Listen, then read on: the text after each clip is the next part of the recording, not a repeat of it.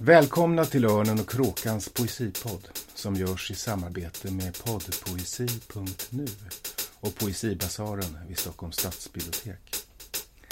I den här podden samtalar kritiker, poeter och andra om aktuell poesi. Och så läser vi dikter förstås. Välkomna till Poesibasaren i Stockholms stadsbibliotek. Äntligen vill man närmast utropa. För i mer än ett halvår har vi dväljts, lidit i digital exil på Örnen och Kråkans poesipodd. Men nu är vi äntligen här igen. Och även om publiken inte är jättelik så sitter en skara här framför mig. Det känns fantastiskt. Jag heter Magnus William Olsson och idag ska vi tala om några diktsamlingar som med ett undantag utkommit i år, nämligen 2020. Men som inte fått den offentliga uppmärksamhet som de förtjänar. Och med mig för att tala om detta har jag två personer som Örnen och Kråkans publik känner väl till. Både från våra poddar, eh, som den här idag, men också i egenskap av recensenter på sajten. Göran Sommardal, författare, översättare, kritiker och Alice Thorburn, bibliotekarie och en av de drivande personerna i Poesibasaren på Stockholms stadsbibliotek sedan snart ett decennium. Vi har tagit med oss ett par böcker var att samtala kring. Men med tanke på hur få poesiböcker som överhuvudtaget uppmärksammas av media och kritik nu för tiden i förhållande till hur många som ges ut så hade vi kunnat ta upp oändligt många fler. Eller hur? Hur ser ni på den här situationen av hur poesin träder fram i media nu för tiden i förhållande till hur det har varit? Ja, ska jag ta det långa eller korta perspektivet? Vi ska prata mer om det, så börjar, börjar det korta så går vi vidare. Ja, nej, men det är ju det att färre och färre diktsamlingar recenseras. Alltså, när jag gör upp en sån här lista till Aftonbladet och där jag skriver över det jag vill recensera så tar jag upp sånt som jag, försöker, jag undviker de här som, eh, som jag vet kommer att få liksom recensenter oavsett. Utan jag försöker hitta de som jag, ty tycker verkar, som jag vet kommer att vara bra och som jag, som jag tycker det här borde recenseras. Så är det ändå bara liksom ett litet fåtal av det som jag, de, de önskningar jag har som överhuvudtaget mm. infrias. Liksom. Det vill säga att jag får skriva om det. Mm. Och Det har att mm. göra med att det finns, det, det, finns ju så många andra genrer på kultursidan idag som tar över. Inte minst opinionsbildning och mm. debatter. Mm. Ibland, mm. Ofta rätt efemära saker som avhandlas fram och tillbaka. Och Då försvinner ju det här, de här mm. platsen för, för poesin. Och, och sen en annan sak som ju, är, som ju du känner till, Magnus. Du har ju också skrivit på Aftonbladet. Att det, det är ingen som liksom håller i poesiutgivningen. Det måste ju finnas det på varje redaktion som verkligen har överblick över det hela. Och om det finns någon som har hand om litteraturen så kan man inte begära den personen att han ska kunna känna till allting som kommer ut. Mm. Utan det krävs ju också att det finns specifika poesiansvariga på kulturredaktionerna mm. som, som ser vad som ska. Recenseras och delar ut det till recensenter. Mm. Allt kan ju inte recenseras för det kommer ju ut väldigt mycket. Det där är en intressant synpunkt alltså, och som, som vi ska komma tillbaka till förstås. Men jag tänker Alice, hur ser det ut från bibliotekets håll med poesin och, och det offentliga, hur den exponeras och vilken plats den har i diskussionen och så? Ja, alltså, mitt perspektiv är inte lika långt så jag kan inte riktigt det här med i dagstidningar och så kan inte jag riktigt se den här utvecklingen. Så. Men det känns som att det kommer ut mer, mer poesi och det uppmärksammas liksom på andra ställen kanske än just i dagspressen mer. Men då är det förmodligen en mycket mindre publik som tar, hand, tar, tar del av det. Mm. Som i sociala medier och så vidare. Att viss, mm. eh, viss poesi rör sig kanske, talas kanske mycket om dem men bara i en liten mindre krets eller så. Mm. Men då ska man säga att eh, utan att eh, skryta, Svaren och Kråkan har ju, tror jag, mycket fler läsare än någon annan publicerad recension i något, på något annat ställe i, i Sverige. Eh, det, det, är ju en av orsakerna till det du säger, Göran, med redaktionerna. Eh, det är ju att det är väldigt få som läser poesirecensioner. Och det visste man inte förut. Idag vet man exakt hur många som läser. Och, och när det också är så att tidningarnas affär vilar allt mer på läsarna och allt mindre på annonsörerna. Tidigare kunde man, annonsera, kunde man ju recensera diktsamlingar från, från Bonnier som man visste att de också eh, annonserade på sidan som då betalade den här verksamheten.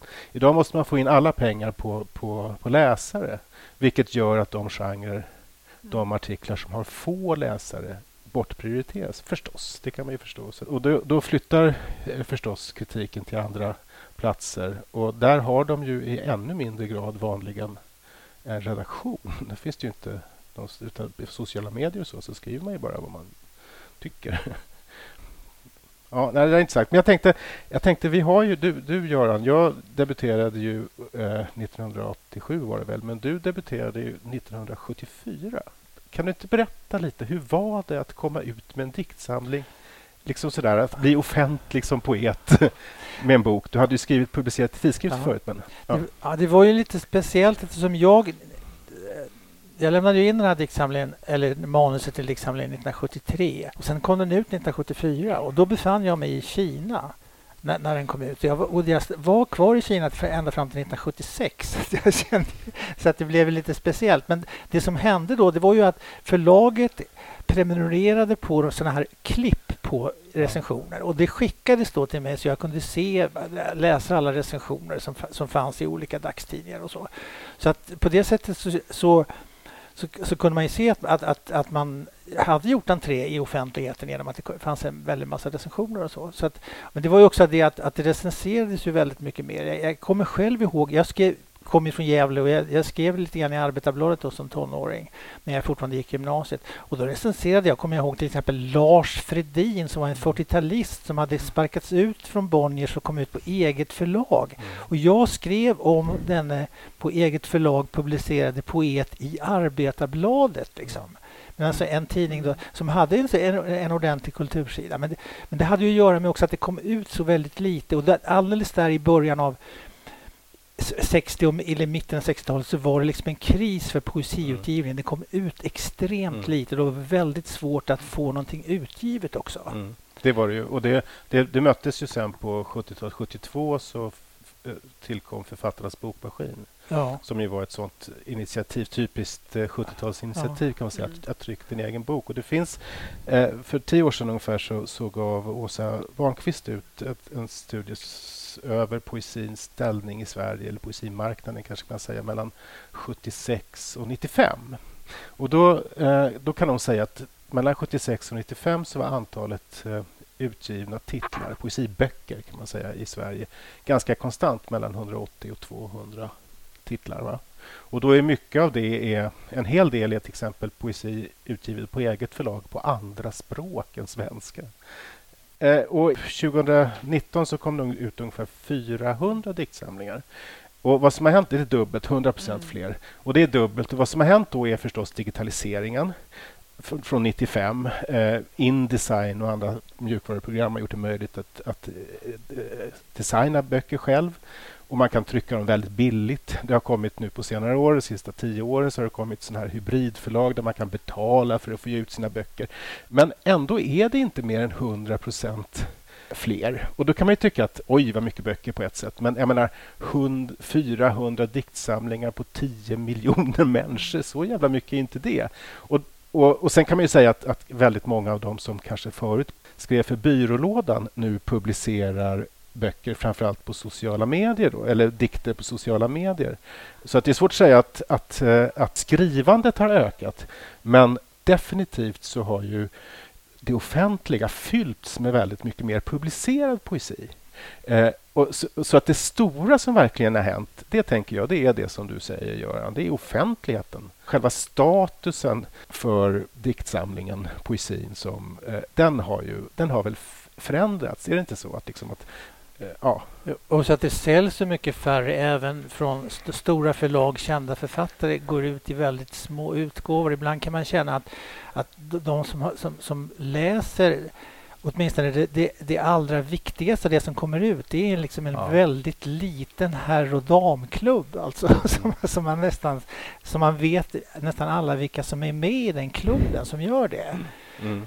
Så, att, så att det, det, och det är så var det liksom inte när jag började skriva. Då kände man att då var det liksom ett jättestort rum och sådär. Att mm. få skriva. Jag kommer ihåg när jag, jag fick skriva om eh, Vägvisare till underjorden av Gunnar Ekelöf. Mm. Hans sista ja, den kom till och med ut postum tror jag, men ja. den, den, senaste som han, som han publicerade då, att det var liksom en ära att få skriva. Mm. Det var ju fantastiskt att få vara med liksom i den där stora klubben, att skriva om de liksom stora författarna och sådär. Mm.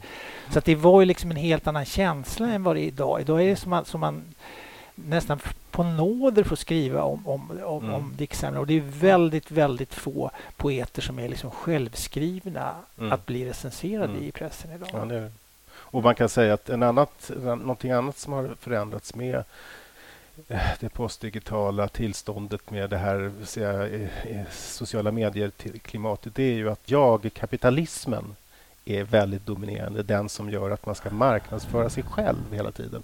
Har man gett ut en diktsamling så måste man ut själv och, och säga titta här är min nya diktsamling och samla på likes och sådär. Och det är, finns ju något att det går ut på mer att uppmärksamma sig själv än att uppmärksamma andra. Ja, precis. Ja, det är intressant. Men Göran, det som du sa om att, alltså att det var ett mycket större rum förut. Vad, tror, vad, vad tänker ni att det liksom beror på? då? Har det med poesin själv, i sig själv att göra? Alltså vad man skriver om och hur man skriver och så? Eller är det mer med samhället? Eller vilken... Alltså jag tror tyvärr att, egentligen tror jag att det var en illusion. Jag tror egentligen inte att det var eh, att det var fler som läste recensioner. Det var väldigt få som läste Arbetarbladets recension av Vägvisaren. Men man trodde att det var jättemånga. Men var det fler som läste Gunnar Ekelöf än de som läste Det där är ju väldigt svårt idag? att säga faktiskt. Det, ja, eh, det kom ju ut i större utgåvor i alla fall. Jag kommer att Ekelöf, när jag började läsa Ekelöf, då kom Ekelöf ut både liksom i häftad som man själv måste sprätta mm. upp, i inbundet och i halvfranskt. Alltså ja. tre mm. olika bindningar kom den ut i. Och, och det sålde då ändå i 20-30 tusen. Mm. Så, mm. Men det var ju, tillhörde undantag. Men det fanns ju sådana som, som, som sålde mycket. Och det fanns ju fler sådana som som, mm. som, som, hade liksom svängrum och så ja. större spridning. Och så, det fanns det. Ja. Men Nej, men det, var, det är klart att det var en... Och det, litteraturen hade ju en mycket större, högre status i samhället. Mm. Det får man säga. att folk var liksom, det var intressant. Man lyssnade på en poet. Ja. om en, en erkänd poet. som eh, det, det, det, kan ju ses, det ser man inte minst på, på, eh, på Sveriges Radio där du jobbade då och har jobbat så länge, Göran, att då fick poeter plats att göra egna man, intervjuer och var uppläsningar, det var egna program om och så vidare ja. som, som public service ju nu helt har släppt kan man säga. Ja. De ingick i någon slags bildnings... Eh, eller ideal, eller vad man ska säga, men också att det tillhörde bildningen lite, att man skulle kanske känna ja. till poeter och ha läst och sådär. Alltså fann, det, fanns ju, det fanns ju olika andra publiker. Jag, kommer ihåg att någon gång ända fram till 1960 tror jag, jag läste så var hälften av alla BLMs prenumeranter modersmålslärare i gymnasiet. Så att där fanns det liksom en publik, en stor publik som läste eh, poesi och som läste nyutkommen litteratur och som mm. höll sig ajour, men som introducerade sådana som mig för litteratur mm. och ganska modern och modernistisk mm. litteratur. Att det fanns. I, idag så, så, så, så, existerar ju inte det. Sen, sen när, när, när, brukar man säga, när BLM radikaliserades och det kom in sådana som eh, Lars Gustafsson, mm. Jan Stolpe och så där, då försvann alla de här eh, mm. läroverksadjunkterna som prenumeranter för då tyckte de inte att det, det var liksom kul längre. Mm. Om, om, det nu, om det är nu är sant, men det finns ju liksom en sån historia i alla fall. Ja, men det, jag minns att jag var ju under en kort tid eh, vikarierande BLM-redaktör och då kom jag på den där listiga idén att det var så dyrt med utskick att man kunde skicka ut till huvudlärarna i alla skolor så skulle de dela ut i facken till alla de andra modersmålslärarna, svensklärarna. Och jag tänkte wow, fy fan vilken smart marknadsföringsgrej. Så gjorde vi det där utskicket till alla huvudlärare på alla svenska skolor och de delade ut till alla och vi fick tre prenumerationer sånt där på det. Ja. det var intressant. Men ja, vi ska inte fastna i, i, i, i nostalgi och så, utan vi ska istället eh, idag ju ta upp... Vi har ju tagit med oss några diktsamlingar var som vi tycker oförtjänt icke har uppmärksammats. Vill du, vill du börja, Göran? Vad, vad, vad har du tagit med dig? Jag har ju tagit med mig då eh, Henrika Ringbom, En röst finns bara när någon hör den. Mm. Och eh, Helena Boberg, konsten att med vissa metodiska rörelser hemkalla en hädangången till livet. Och jag har ju själv recenserat den här eh, Henrika Ringbom i Aftonbladet och jag, jag har letat på nätet och så, men det, det, det, finns Jag tror det är bara jag och sen eh, någon, Yle, alltså finska, ja. Svensktalande Yle. Ja som, som har skrivit om den. Och sen så finns den på en del hemsidor och så, men det, det är inga tidningar som har skrivit om det, vilket är väldigt konstigt för hon är en rätt känd poet, hon har mm. varit verksam ganska länge. Men det är klart, det är den där, den där finlandssvenska är också lite grann i strykklass förstås. Mm. Att man är uppmärksam Ska vi presentera henne lite för, för publiken? Alltså hon, hon debuterade 1988, vill jag minnas, året efter mig. Eh, hon är född 62 från Helsingfors. Eh, det här är hennes sjätte diktsamling. Ja, just det. Hon har skrivit ett par romaner också. Ja, hon har skrivit ett par romaner också. Ja, precis. Eh, och som, som jag... Eh, för, bara för förra året var det väl, så kom hon med en liten bok, eh, Litterär gestaltning. Autor förlag har gett ut en liten chapbooks med poetiker. Och där skriver Henrika Ringbom en, en fin liten poetik. Ja. Sådär. Men, men, men den, här, den här diktsamlingen, vad ska vi säga om den? Alltså jag blev väl... Alltså, det man tänkte säga är att man, det, det, är inte bara bortglömda diktsamlingar, det är också diktsamlingar som man unnar läsare och som ja. alltså man unnar att läsarna skulle få tag på och få syn på. För det, mm. jag, jag var, var ju väldigt förtjust i den här diktsamlingen av Ringbom när jag läste den och det finns många saker där som är...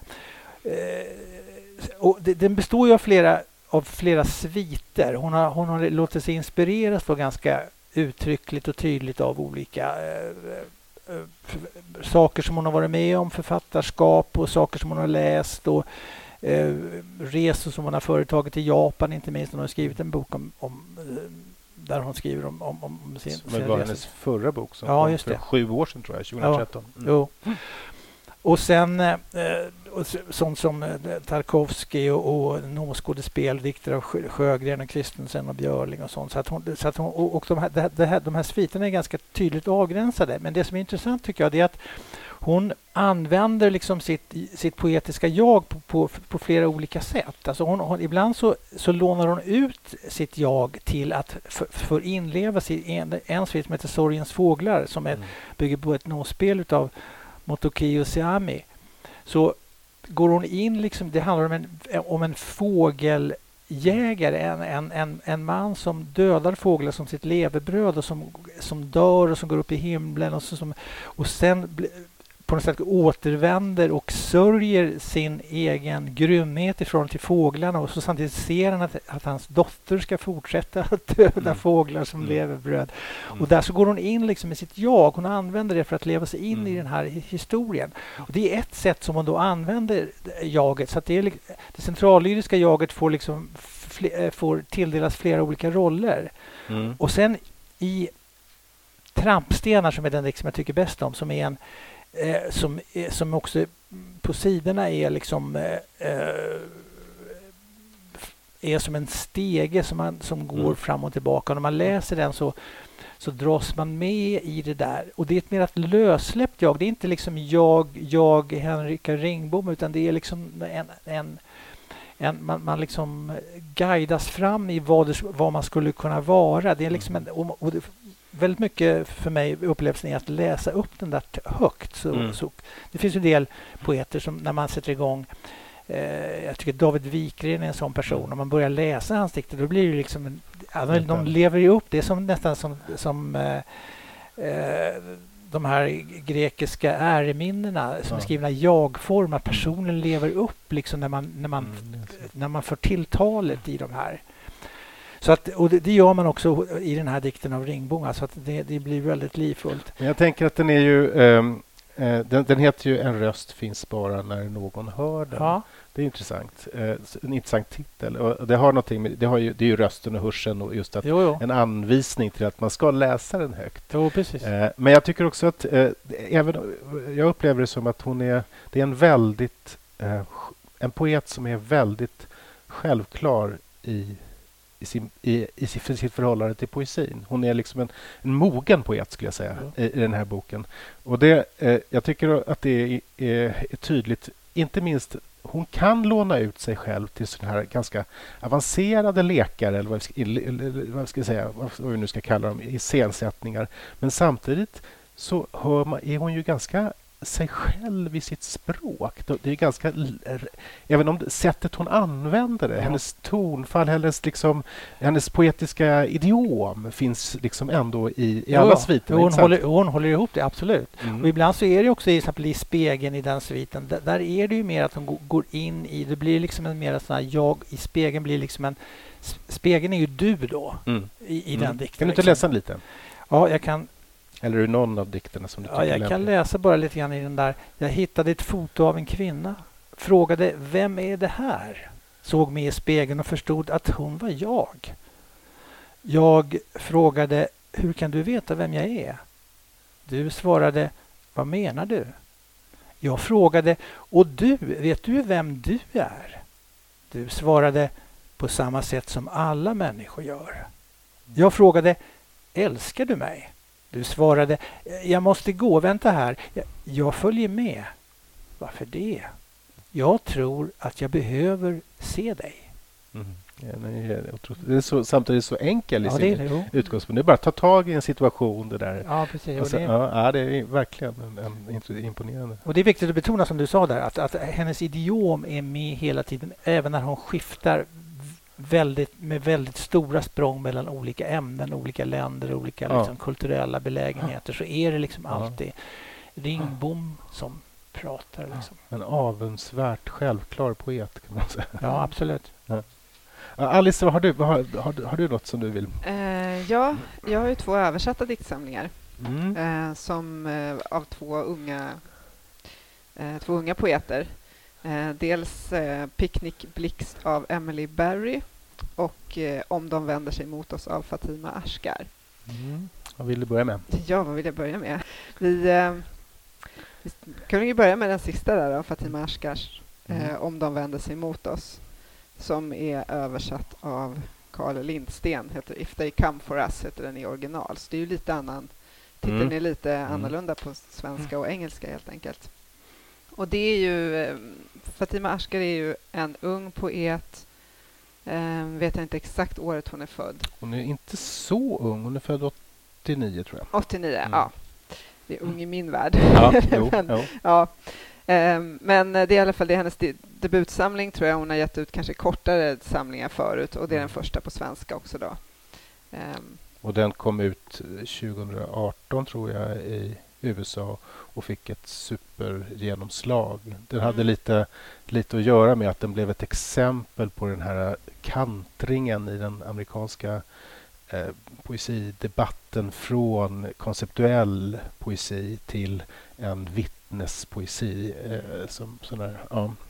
ja, precis. För hon, hon eh, hennes tema kan man väl säga är dels så skriver hon, hon har ju ett ursprung i Kashmir, eh, så hon skriver mycket om den här delningen av Indien som skedde 1940-talet eh, och de olika länder som uppstod därefter och de, den stora alltså, migrationen som blev en, en följd av det. Eh, där hennes föräldrar eller hennes släktingar bland annat var del av. Mm. Eh, sen skriver hon mycket också om sin egen uppväxt i, eh, i USA. Och då är hon eh, föräldralös som jag uppfattade Hennes föräldrar är Precis. båda döda nu. Jag vet inte. Hon är själv född i USA ja. och hennes föräldrar från Kashmir, pakistanska delen, eh, de dog när hon bara var, tror jag, fyra, fem år. Mm. Så att hon är... Det, det föräldra, att föräldralösheten är ett annat stort tema. Mm, precis, den är verkligen ett stort tema. Hon skriver mycket om hur, hur det är och hur hon hon skriver om släkten, då, att hon, hon har något uttryck som är de blod, de inte. Att hon har typ en moster som är, skulle kunna vara blod, men är det inte. skriver hon. Då menar hon att det här är inte en, en biologisk moster, men det är någon som får en rollen av en moster. Um, och hur, hur hon försöker hitta den typen av gestalter och hur det är att inte ha varken en mamma eller en pappa. Och sen dessutom vara främmande i det här landet på många sätt. Det är ju både hennes, det är ju hennes land, men hon ser annorlunda ut än, än många andra som befinner sig där. Men den är väldigt... Jag, tyckte, jag tycker mycket om den för att den har många olika ska man säga, sinnesstämningar i sig. Den är, den är både väldigt upprörd och ibland är den väldigt ledsen över olika saker som har hänt. Eh, både historiskt sett, vad som har hänt hennes eh, släktingar, hennes familj sen tidigare, hennes folk. Då. Mm. Men det finns också ganska fina skildringar av hur hon, hur hon gör för att hitta ändå en, en plats Ganska eh, rolig ibland. Ja, ja. Den, precis. Och den har ofta sådana roliga vändningar, precis, och drastisk humor. Som det verkar som att hon har ju två systrar som hon har levt tillsammans med och växt upp tillsammans med, även om de inte har haft sina föräldrar. Men de verkar ju ha haft en, en väldigt nära relation. Hon skriver också ganska mycket, det finns namn på hennes klasskamrater och vänner och så. Så det är verkligen inte någon, någon dyster samling, mm. även om den innehåller skildrar mycket som har varit hemskt. Du kan väl leta efter en, ett, som ska... Jag, ja. Ska jag berätta under tiden medan du letar att, att vi... Örnen Kråkan recenserar, Johannes Björk recenserar den här eh, eh, diktsamlingen i våras på Örnen och Kråkan som då alla som vill kan lyssna på förstås, men också eh, läsa den på, under arkiv på på vår hemsida www.ornenochrakan.se. Men han, han skrev, med, skrev en recension om den här boken tillsammans med eh, Yahya Hassans andra bok. Eh, och han skrev just om erfarenheten av att som andra generationen eh, eh, förhålla sig till ett trauma. Ett trauma som berör som är, vad ska vi säga, som berör ursprungs det, det främmande ursprungslandet, alltså Palestinafrågan förstås för, för Yahya Hassan och, och då Kashmir-konflikten för, för, för Fatima Askar. Ja, hade, man, läsa någon liten bit så att man får en Ja, precis. Jag ska se, det är svårt att välja för att de har ganska olika ton. Så där. Man ska hitta ja. någonting som, som eh, ger en lite känsla för allting. Jag kanske kan jag kan läsa lite grann, det här är från, från slutet, läsa lite utdrag ur dikterna. Ett föräldralöst barn kan göra den och den till familj, det universella blodet. Ett välgörenhetsbarn, håret alltid borstat, kommunal skolmat och inte har råd till bussen. Alla kvinnorna, de öppnade dörrarna på vid gavel, kvarteret. Ditt namn flätade lockarna tills de uppförde sig.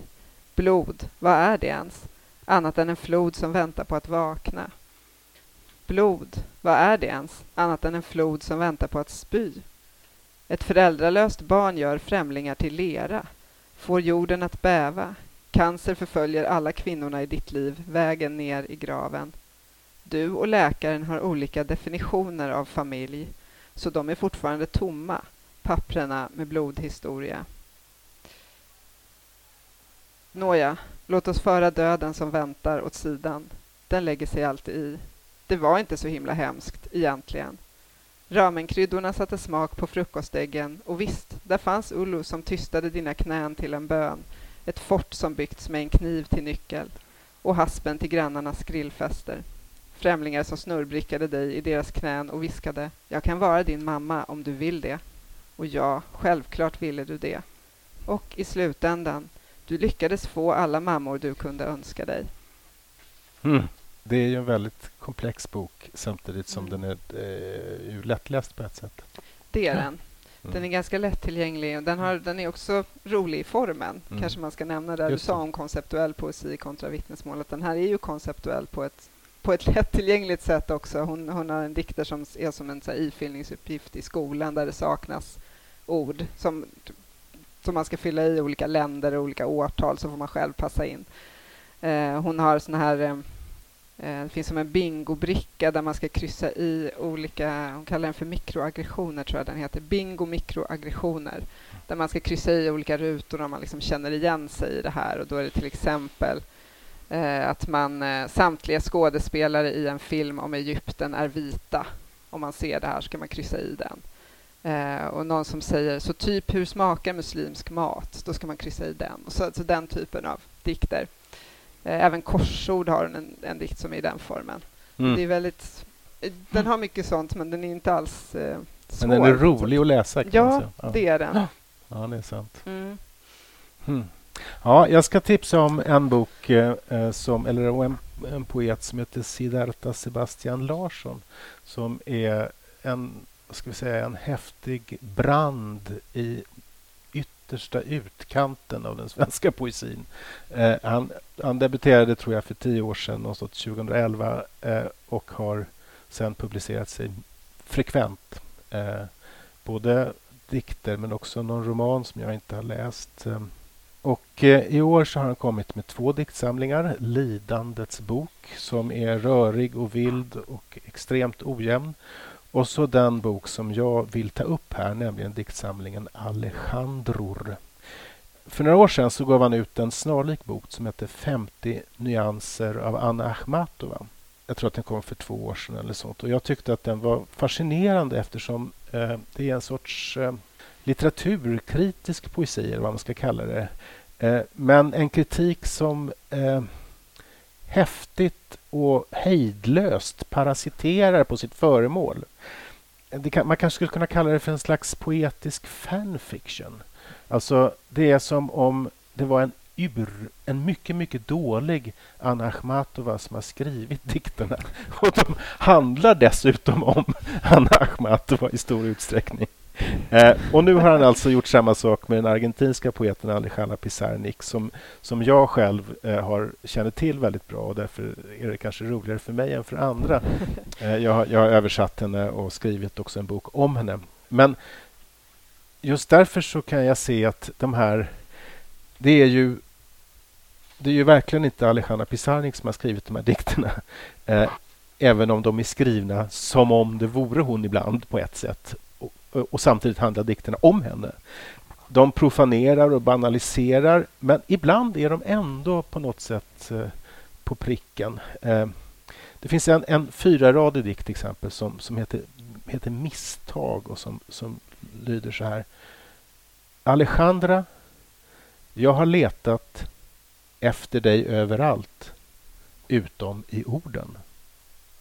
Det är ohyggligt banalt, men uppmärksammar samtidigt en, ett element i Pizarniks skrivande, nämligen det att hon alltid håller på och laborerar med sitt eget namn eh, som hon för övrigt själv tog sig i, sin, i sina dikter. Eh, och jag tror att även om jag eh, det, det, är en blandad upplevelse att läsa Siddhartha Sebastian Larsson så är det liksom... Det, det, ingen skriver någonting som liknar det här. Det är ingen som är som... Så att den där, vad ska jag säga, eldsvådan i marginalen av svensk poesi som han utgör, den är, den är verkligen värd att kastas in i ibland.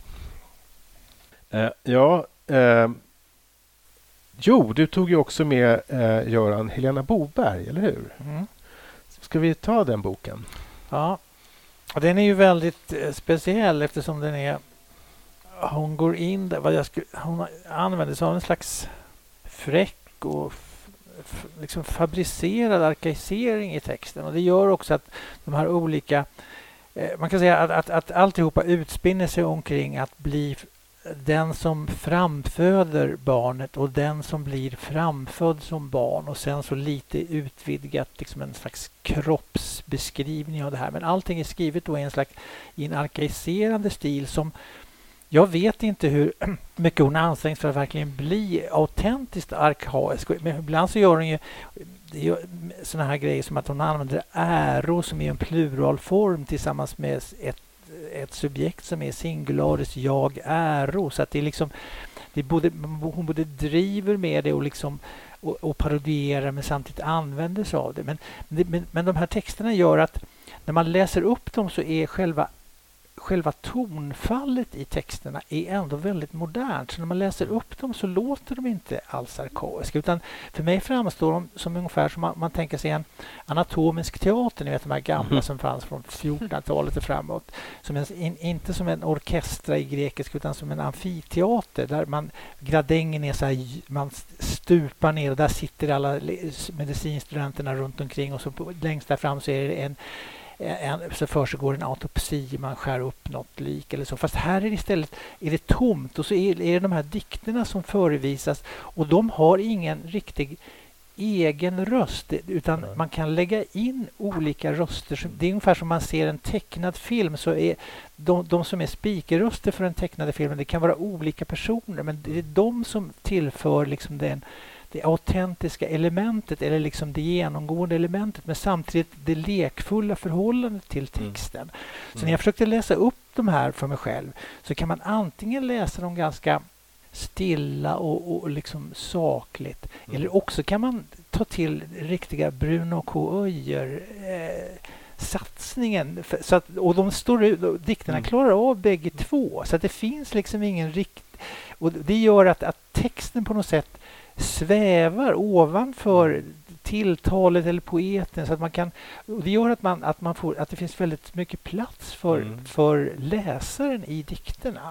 Intressant tycker jag, för att det, det är ju, hon, hon har ju så att säga ortografiska... Eh, eh, alltså ibland så tror man att det är 1700-tals eller 1600-tals Jo. skrivningar av Ja. ord som hon, liksom, som hon lägger in. Eh, och och det, det gör ju att den där eh, relationen mellan tecken och läte eh, blir svaja, börjar ju svaja. ja, liksom, eller hur? absolut. absolut. Eh, och sen när man läser det högt då, och läser det på, på nusvenska, Ja. man, läser, man läser orden på, Ja. på, på nu, nutida svenska. Då, då, då, flyt, då är det som vilken modern dikt som ja, helst. va? men, men det som händer är ju att den där relationen mellan orden som tecken och som röst eh, problematiseras. Ska, ska vi bara säga någonting om, om Helena Boberg också? Hon är född 1974. Hon har gett ut två diktsamlingar tidigare, också sju år sedan sist, precis som eh, Henrika Ringbom. Hon, det, hon gav ut en diktsamling, Repuls, 2011 och en som heter Sinnesvåld 2013 som båda på ett sätt knyter an till, till den här boken, tycker jag eftersom de har väldigt mycket med kropp Ja, att ja, göra. ja, de. Sinnlighet Ja, och kropp att göra. Också att det finns ett, ett ska vi säga, ett psykoanalytiskt nästan perspektiv. Åtminstone läser jag in det Ja. i det här. Lite en slags interpretation av och också relationen mellan eh, texterna och, och människokroppen Mm. på något sätt. Men läs någonting. Ja, ska, då, men då läser jag inte som Bruno K. utan då tar jag lite mer... Alltså jag läser modernt. Ja. Mm. Så slog det mig, jag äro så som skörden, endast satt i vila till dess att en ny fruktsamhet åter inträda. Glädjefesten, då en viss viol öppna sig och en ny världsmedborgare skall upptagas i familjens och samhällets sköte. Denna skall jag giva di till dess att dihornen surnat och flickan är och halvvuxen. Min alldeles egen metastas. Ja, det är vackert. Det är jä- jättefint faktiskt. Det på, påminner ju lite om en slags konkretistisk, en slags... Eh, liksom, det finns ett sånt moment i den där, Jo, liksom, eller, tycker jag. Och det gör att det är spännande liksom att läsa den just därför, där- därför att den är så frimodig och fräck samtidigt som den Mm. avhandlar liksom saker som är Mm.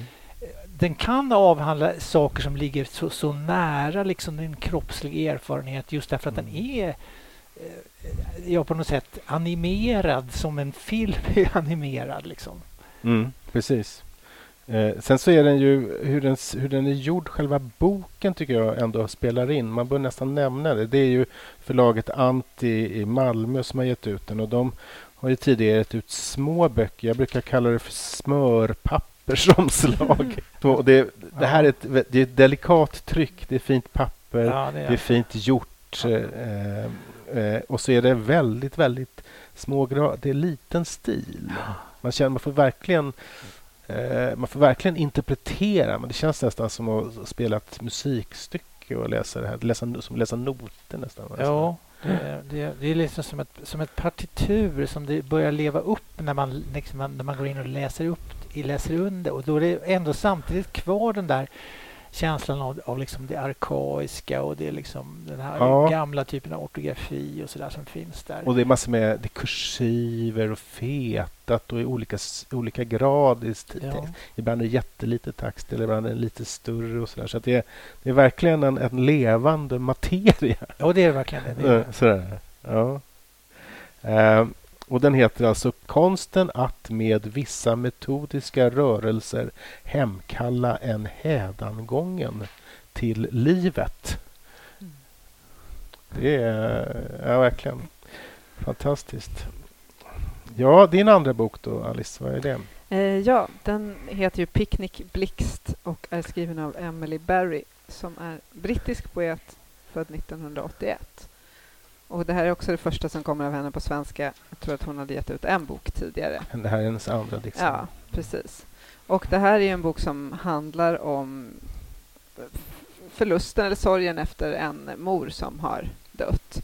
Och eh, en bok som liksom sysselsätter sig med döden och med specifikt moderns död men även med döden i allmänhet. Kanske tankarna på den egna kommande döden och hur eh, ja, döden i allmänhet, hur man, hur man kan hantera den. Den har också lite olika sinnesstämningar men överlag känns det som att den är den är, den är vemodig, den är ganska lugn skulle jag säga.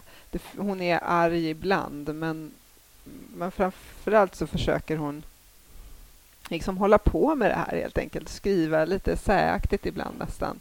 Mm. Um, och hon använder sig av till vatten är en återkommande liknelse där moden är som någon slags... Ibland, ibland har hon liksom moden inom sig, att hon känner att jag har kvar... Man, man anar att också att hon... Eh, om det här nu är självbiografiskt då tror jag att det är, men vet inte. Men i alla fall verkar moden ha dött när hon var ganska liten. Så att hon är väl kanske inte helt färdig med det där, utan hon har liksom moden kvar inom sig som en kropp. Och hon pratar om till exempel att hon, hon dricker vatten och då är det lite som att vattnet är den här eh, sorgen. Um, Mm. Men ha, havet finns med också. Det är all, hela tiden föränderligt, men det finns också ett väldigt lugn över mm. havet. Sådär. Um. Sen tänker jag, eh, jag skrev om den här boken i poesi, mm. vår kalender, Örnen och kråkans kalender, poesiåret 2019. Eh, och jag, jag tänkte, en, en association jag gjorde där, det var att hon, Emily Berg är ju eh, redaktör för Poetry Review som är kanske världens mest viktigaste poesitidskriften. Ska säga. Det, det är poet, brittiska Poetry Societies från början av 1900-talet, deras tidskrift. Och hon, hon är ju en väldigt... Um, det är ju en, en, poesi som är på ett sätt lärd och essayistisk, mm. som du påpekade. Jag, jag läser henne. Det här är ju en tradition som är väldigt, inte bara en tradition, utan det är en, en trend i synnerhet bland eh, eh, kvinnliga poeter, kan jag säga. Eh, att skriva en slags essayistisk poesi. Anne Carsons... Eh, eh, i, I Sverige har vi Mara Lee till exempel, eller just Jenny Tunedal själv som tar upp ett, det är både en personlig erfarenhet, det är både mm. väldigt personligt och starkt gripande på ett sätt. Men samtidigt så tar hon upp själva hon tematiserar hela det här med liksom förlusten av modern och, mm. och, och, hon refererar till en oändlig massa litteratur mm. som, och alluderar och det blir väldigt litterärt på ett sätt mm. samtidigt som det är drabbande. Det, det, mm. det, och det blev ju en enorm succé när den kom ut i England, den här mm. boken. Uh, um, men har du, har du tänkt på, på, på det här med titeln? Uh, ja, för den heter ju Dear Boy. Nej, den heter Stranger, Stranger Baby. Just det. Heter den ju på engelska. Stranger Baby heter den, ja, precis. precis ja. ja. men de har ju valt, eller översättaren... Och, och översättningen heter Picknick Blixt. Precis. Ja, det, står, det finns ett um, översättarens anmärkningar i slutet här, där uh, det är Jenny Tunedal då, som är översättare skriver om det här att hon har valt i samråd med författaren att uh, använda Picknick Blixt som uh, är ett citat från eh, Vladimir Nabokovs Lolita. Det är ganska coolt att ja. man har, att man har liksom pratat med poeten. Ska vi byta titel? Ja, precis. Men det känns ju som... Om man, om man läser bara, här finns ju en, en längre mening med det mm. ingår, men om man läser bara precis början så är det så här. Min ytterst fotogeniska mor dog i en underlig olycka. Eh, parentes, picknick, blixt, parentes, när jag var tre. Mm. Och, så, och så fortsätter han. Mm. Uh, och, och, den känns ju som att den passar väldigt bra faktiskt till hennes mm. diktsamling. Um, mm. Picknick Blixt, det är, det är, snyggt. Det är väldigt det är fint. Snyggt. Ja. Ja, det, är verkligen, det är egentligen mycket bättre, tycker jag. Ja, En Stranger Baby. Ja. uh, uh, verkligen. Ja. Det tycker jag också. Den, har blivit, det, den passar väldigt bra. Nej, men som du, jag tänkte lite när jag läste att den, den är en, alltså en text som det är ganska skönt att befinna sig i den. Ibland om man tar ut en mening så är det liksom så här, men, men vad menar hon här eller vad säger hon? Men man, man får en känsla av att jag förstår, jag förstår det här. Mm. Eh, jag kan känna det här, det stämmer liksom, även om det inte sen går att, går att sätta ord på på något annat sätt. Lite som musik nästan bitvis i den. Mm. Um, och den skiljer sig också lite åt i formen. Det finns, eh, den ser lite olika ut. på Vissa dikter har väldigt korta liksom, rader och vissa är lite mer eh, längre. Några är också skrivna till och med som en dialog då, mellan två olika jag. Är det väl. Eh, men eh, men jag, jag, upplevde väl kanske inte att formen är så jätteviktig för henne så, utan det är mer någon slags flöde. Och det funkar ju också då med den här vattenliknelsen och texten fungerar på det sättet. Mm. Mm. Um, en del av de längre dikterna har ju också just så att det känns lite också som att man är inne i någon som sitter och tänker helt enkelt. Mm. Det, och då dyker det ibland upp litterära referenser eller tankar kring sådana saker. Ibland bara känslor och försök att likna olika saker vid varandra. Jag vet inte om man ska läsa lite. Mm, läs någonting. Um, så kan vi prata om det. Precis. Jag kan också jag kan läsa lite en dikt som heter Aqua. Ehm, som också har det här temat med vatten. Jag fyllde en skål med lite vatten, lovprisade det lite, en känsla av dotterlighet kom över mig. Jag dyrkade henne och vatten kan naturligtvis inte hålla kvar ett avtryck. Hon upprepade alltid, det är ingen idé, du kan inte hjälpa mig. Någonting nära ytan, en fruktansvärd känsla av våld. När vågorna färdas in på grunt vatten börjar de att påverkas av havets botten. Vågen bryts, översatts till en annan våg singulärt och vackert fenomen. Erosionen av havsbottnen intensifieras. Jag förmår höra dessa plågsamma påminnelser med lite mer likgiltighet. Jag sa utan att övertyga, det borde vara enkelt att flyta bort. Jag vill sänkas ner och leva för evigt. På vippen att drunkna, det är inte ett sätt att lyda. Jag föll på knä, drack detta exalterade element. Hennes spöke tog många former. Ibland föll hon som regn. Det var det mest godartade. Andra gånger var hon nära att döda mig. Vilken vacker mening. Jag måste skriva ner den i min bok. Jag dyrkade henne såklart. Det var en härlig, solig dag. Mm. Man kan fråga sig den här dikten. Eh, varför heter den, varför är den det här Aqua? Varför, varför, varför är det Aqua hon skriver? Det finns ett sånt... Mm. Eh, det finns, där, där finns det en, en, som har att göra med en slags... Eh, att spänna upp en, en, en, en rymd kring en kontext mm. kring dessa ganska vardagliga mm. anteckningar. Hon har, hon har också flera, flera dikter som har titlar om, om Freud, Freuds häst och Freud som, är liksom, mm. som ger en slags äh, läsare en slags ingång till hur man ska läsa dikterna på något sätt. Mm. Eh, ja, som, är, som är eh, intressant. Um, ja, eh, Emily Barrias Picnic Blix. Den kom förra året, ska vi säga. Ehm, ja, jag ska hinna med en, en, en bok till eh, så vi får med alla sex. Och Det är en bok som alldeles nyligen har kommit av Peter Björkman. Och Peter Björkman han är liksom en arbetare i vingården, sannerligen. Han har liksom i, i ja, 40 år snart eller någonting. Han har varit tidskriftsredaktör, han har varit kritiker, han, har varit, han är bibliotekarie, han har liksom på alla sätt eh, eh, han har varit redaktör för Horisont, han var med och startade populär poesi och han har liksom kämpat för poesin. Det här är, så vitt jag vet, eh, hans debut i eget namn. Han har gett ut eh, en del eh, eh, han har gett ut i, någonting i, i, som jag inte har läst i, under pseudonym. Men här står han fram som poet i eget namn. Och det är en, det är en enkel, man skulle nästan kunna säga en postny enkel poesi.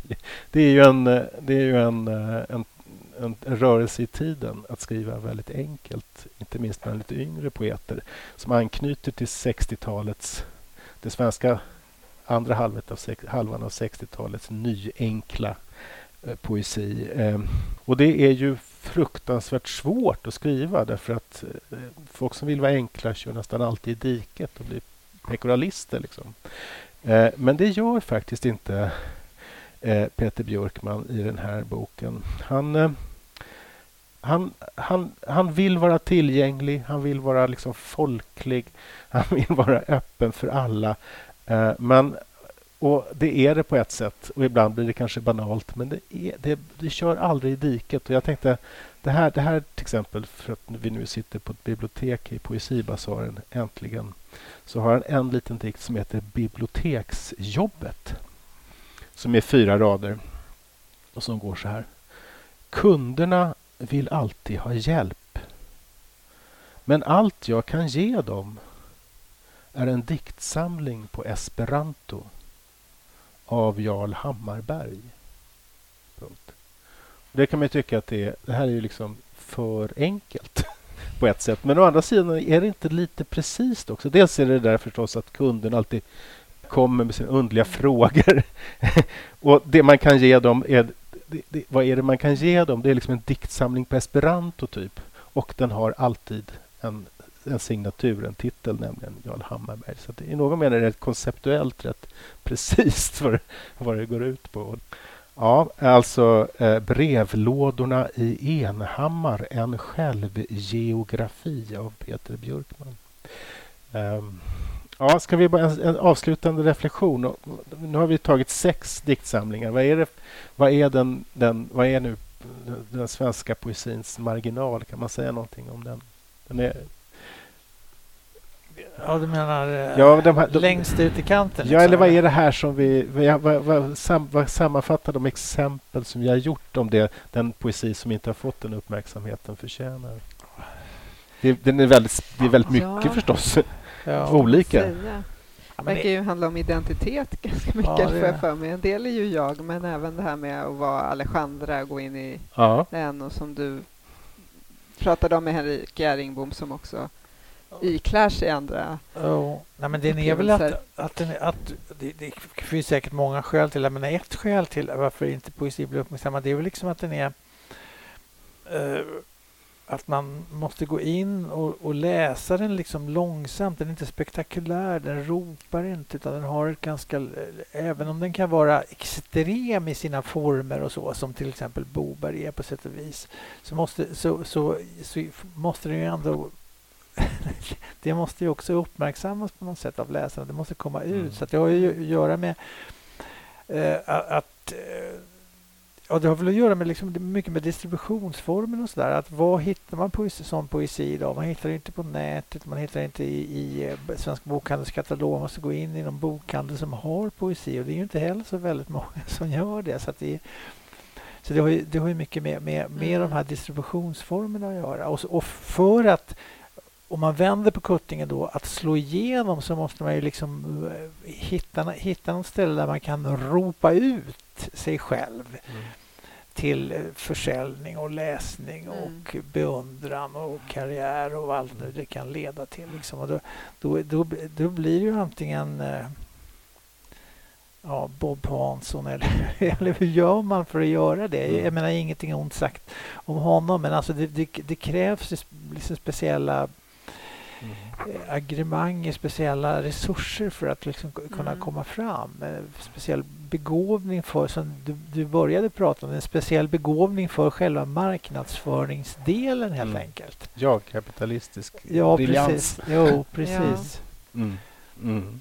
Och de, de, som jag har är ju översatta också, så då jag vet inte om det blir mycket svårare då. För ja. de känns ju ändå, de är ganska lättillgängliga. Jag tänker att det finns egentligen ingen riktig anledning till att inte ganska många människor skulle kunna få ut någonting av det eller att de skulle kunna recenseras. Nej, precis. Det, oh ja. så det är ju lite känns som lite godtyckligt också. Och det är ju lite, det är väl kanske de böckerna är ju utkomna. Eh, det, eh, Emil Berg har ju Ramus gett ut som är ett relativt etablerat fast en litet förlag. Mm. Eh, och Askar har ju, har ju det lilla förlaget Itlit mm eh, gett ut. Men de har också, de har ryktas det, fått EU-pengar. Och kan liksom, men, men det är ju svårt för små förlag mm. att, eh, att uh, distribuera just det. Uppenbarligen så, ja. så är det verkligen. Just översatt poesi känns som att det kommer mycket på mindre förlag, att det är ja. de som ser till att det... Ja, och det har det varit länge, ja. att de stora förlagen, till exempel Bonniers, det, det, det, måste nästan gå tillbaka till liksom Lars Gustafssons serie Röster som han, när han var BLM-redaktör eh, mm. lanserade så började de översätta mm. lite. Annars så, så, har ju de stora förlagen varit extremt liksom mm. Ja.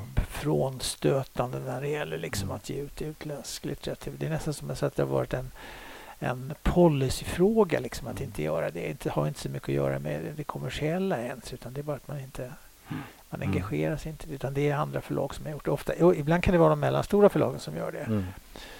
Eh, Ja, Ellerströms är ju... Ellerströms, mycket ja. förstås. Jo. Och V&V har ju varit mycket under, Ja, ja, under peri- hade ju en periodiskt. serie De hade ju mycket Mm, mm. sådana. Och ni hade eh, den internationella litteratur som Ja. är. Så, så att det, där finns det ju lite grann.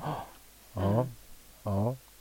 Men det är en väldigt rik flora böcker i alla fall som, som eh, vi inte får syn på.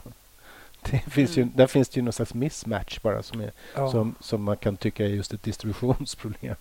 Helt enkelt.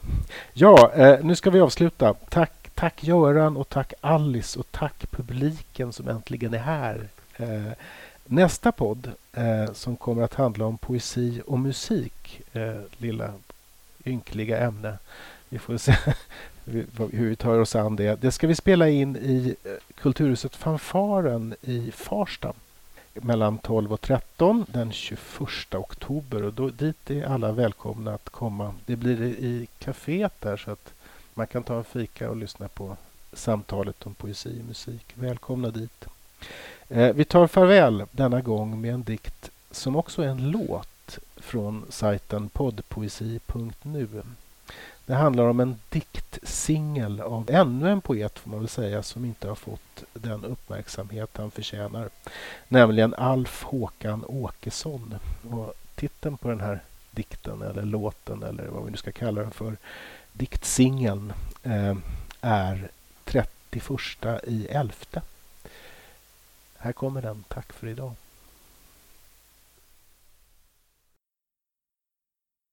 Varför lyssnar jag på Nebraska var gång jag åker längs dessa buttra åkerfält? Varför dessa återkommande bilder av Engelbrektbodens andrahandssortering, fodrade manchesterjeans, frostskadade morgnar i Arlövs industriområde, fasaner och eld? Snart kommer rondellen och pizzerian sådär obehagligt upplyst av stammande lysrör. Vem sitter där? De har garanterat ingredienser från någon usel grossist. Sitter där och snackar skånsk skånska med munnen full av tristess. Visst har väl något ex från högstadiet sin nagelstudio här i en grannby. Är det lönsamt? Har hon barn? Går de i skola här då och spelar fotboll på planen strax efter pizzerian med för få ungar i varje lag? Hur ser deras träningsoveraller ut? Var har de köpt fotbollsskorna? Och nu börjar huvudet banka, banka och jag borde ätit något mer än en massarin på det där fiket. Och jag känner igen darret från förra gången jag drack Coke Zero, eller om det heter Zero Coke. Men det var ett riktigt bra fik faktiskt. Och den lille söte skånske gubben skulle jag vilja hålla i famnen som en valp. Klappa hans vita mustasch och snacka så mycket väder på dialekt tills vi faller ihop i en sån här regnvattentunna som min mormor och morfar samlade vatten till sina gurkor i. Fast i bredden fylld med svartsoppa och gratis påtår. Antingen var han ensam eller bara ovanligt artig, kanske kuvad. Och började ett samtal så fint och försiktigt att helgen är inte långt borta nu och att den alltid kommer vare sig man vill eller ej. Men vi var tvungna att gå och någon skulle med tåg. Men jag måste tillbaka dit nästa gång jag är i stan och sitta där en hel arbetsdag och bara tömma lagret på spettekaka för han var så timid och prydlig. Den här Lundakvällen och höstens sista timme andas begravning.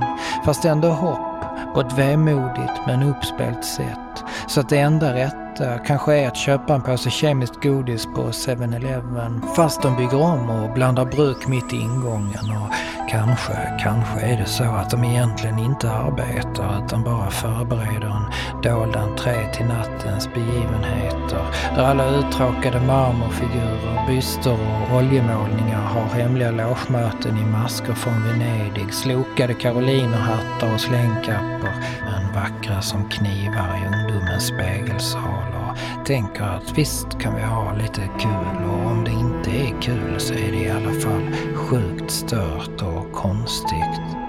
För vad är egentligen det nu för tiden?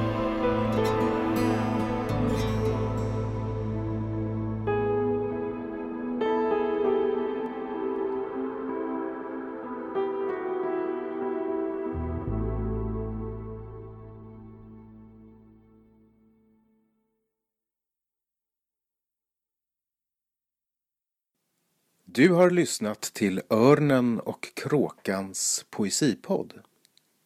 Läs mycket mer om aktuell poesi på ornenochkrakan.se